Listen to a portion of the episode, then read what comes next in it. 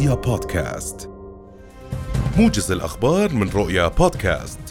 أعلنت وزارة الصحة الفلسطينية استشهاد الشاب إيمان عودة البالغة من العمر 26 عاما جراء إصابتها برصاصة في الصدر أطلقها عليها جنود الاحتلال في حوارة جنوب نابلس. مراسل رؤيا في فلسطين كان قد أفاد بأن عملية الطعن في منطقة حوارة جنوب نابلس نفذتها فتاة وأسفرت عن وقوع إصابات خطيرة لمستوطن وقام جنود الاحتلال بتحييدها وإطلاق النار عليها على الفور. إلى هذا الخبر استشهد ثلاثة فلسطينيين برصاص قوات الاحتلال الإسرائيلي خلال اقتحامها البلدة القديمة في مدينة نابلس في الضفة الغربية المحتلة. جيش الاحتلال الإسرائيلي ذكر في بيان أن الشهيدين حسن قطناني ومعاذ المصري هما منفذا عملية الأغوار التي قتلت فيها ثلاث مستوطنات مشيرا إلى أن الشهيد الثالث هو إبراهيم حورة وكان مساعدا للشهيدين.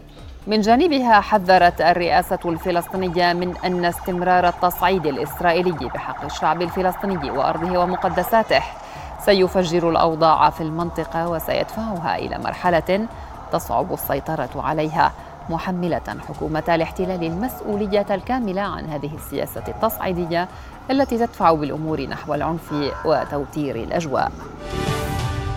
إلى ذلك أعلنت لجنة التنسيق الفصائلي في محافظة نابلس الإضراب العام حدادا على أرواح الشهداء الذين ارتقوا برصاص الاحتلال صباح هذا اليوم. وللاطلاع عن كثب على آخر التطورات ينضم إلينا مباشرة من نابلس مراسل رؤيا حافظ أبو صبرة. حافظ أهلا بك. ما هي ظروف عملية الطعن؟ وكيف استشهدت الفتاة منفذة العملية في بلدة حوارة؟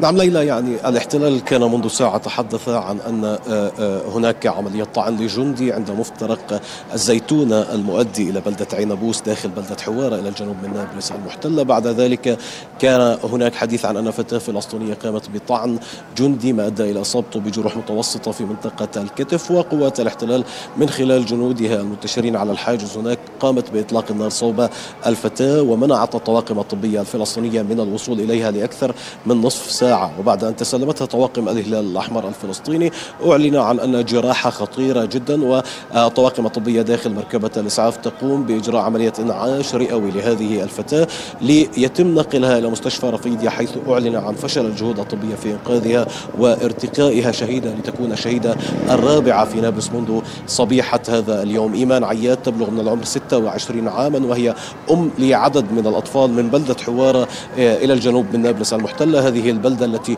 تعاني جراء حصار إسرائيلي حواجز منتشرة على كافة مداخلها وعلى آه، المدخل الرئيسي لها المؤدي إلى مدينة نابلس. وفي ذات موقع عملية الطعن هو آه، يعني هذه تعتبر العملية الرابعة في ذات الموقع حيث وقعت عملية الشهيد عبد الفتاح خروشي التي أدت إلى مقتل مستوطنين.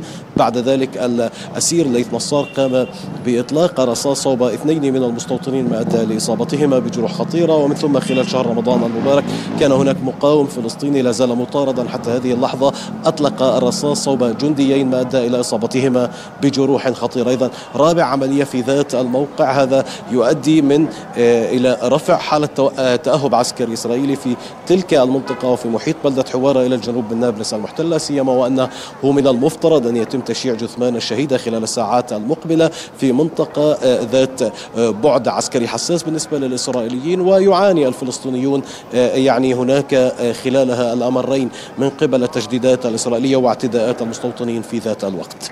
نعم حافظ طب هل شيع أهالي مدينة نابلس جثمان أو جثامين الشهداء الثلاثة الذين قاموا بتنفيذ عملية الأغوار التي قتلت فيها ثلاث مستوطنات؟ ويعني أخبرنا عن الوضع الميداني الآن في المدينة. يعني في نابلس تسود حالة من الإضراب الشامل وفقا لإعلان لجان التنسيق الفصائلي في المحافظة. بينما انتهى الجماهير انتهت الجماهير الفلسطينية في هذه المدينة من تشييع جثامين الشهداء الثلاثة وسط المدينة في موكب انطلق من مستشفى رفيديا إلى الغرب منها.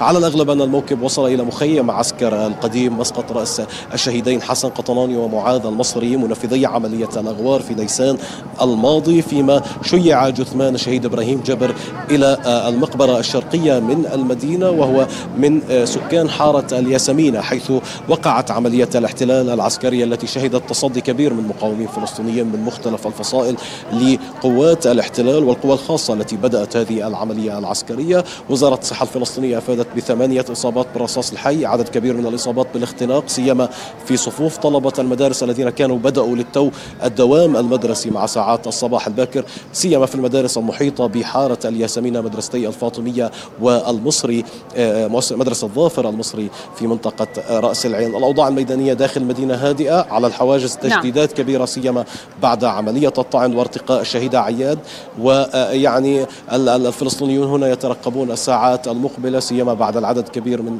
المقاومين الذين ظهروا خلال موكب تشييع جثامين شهداء القسام وعرين الأسود في ظهر هذا اليوم نعم حافظ أبو صبرة شكرا جزيلا لك كنت معنا من مدينة نابلس وأطلعتنا على آخر التطورات الميدانية فيها.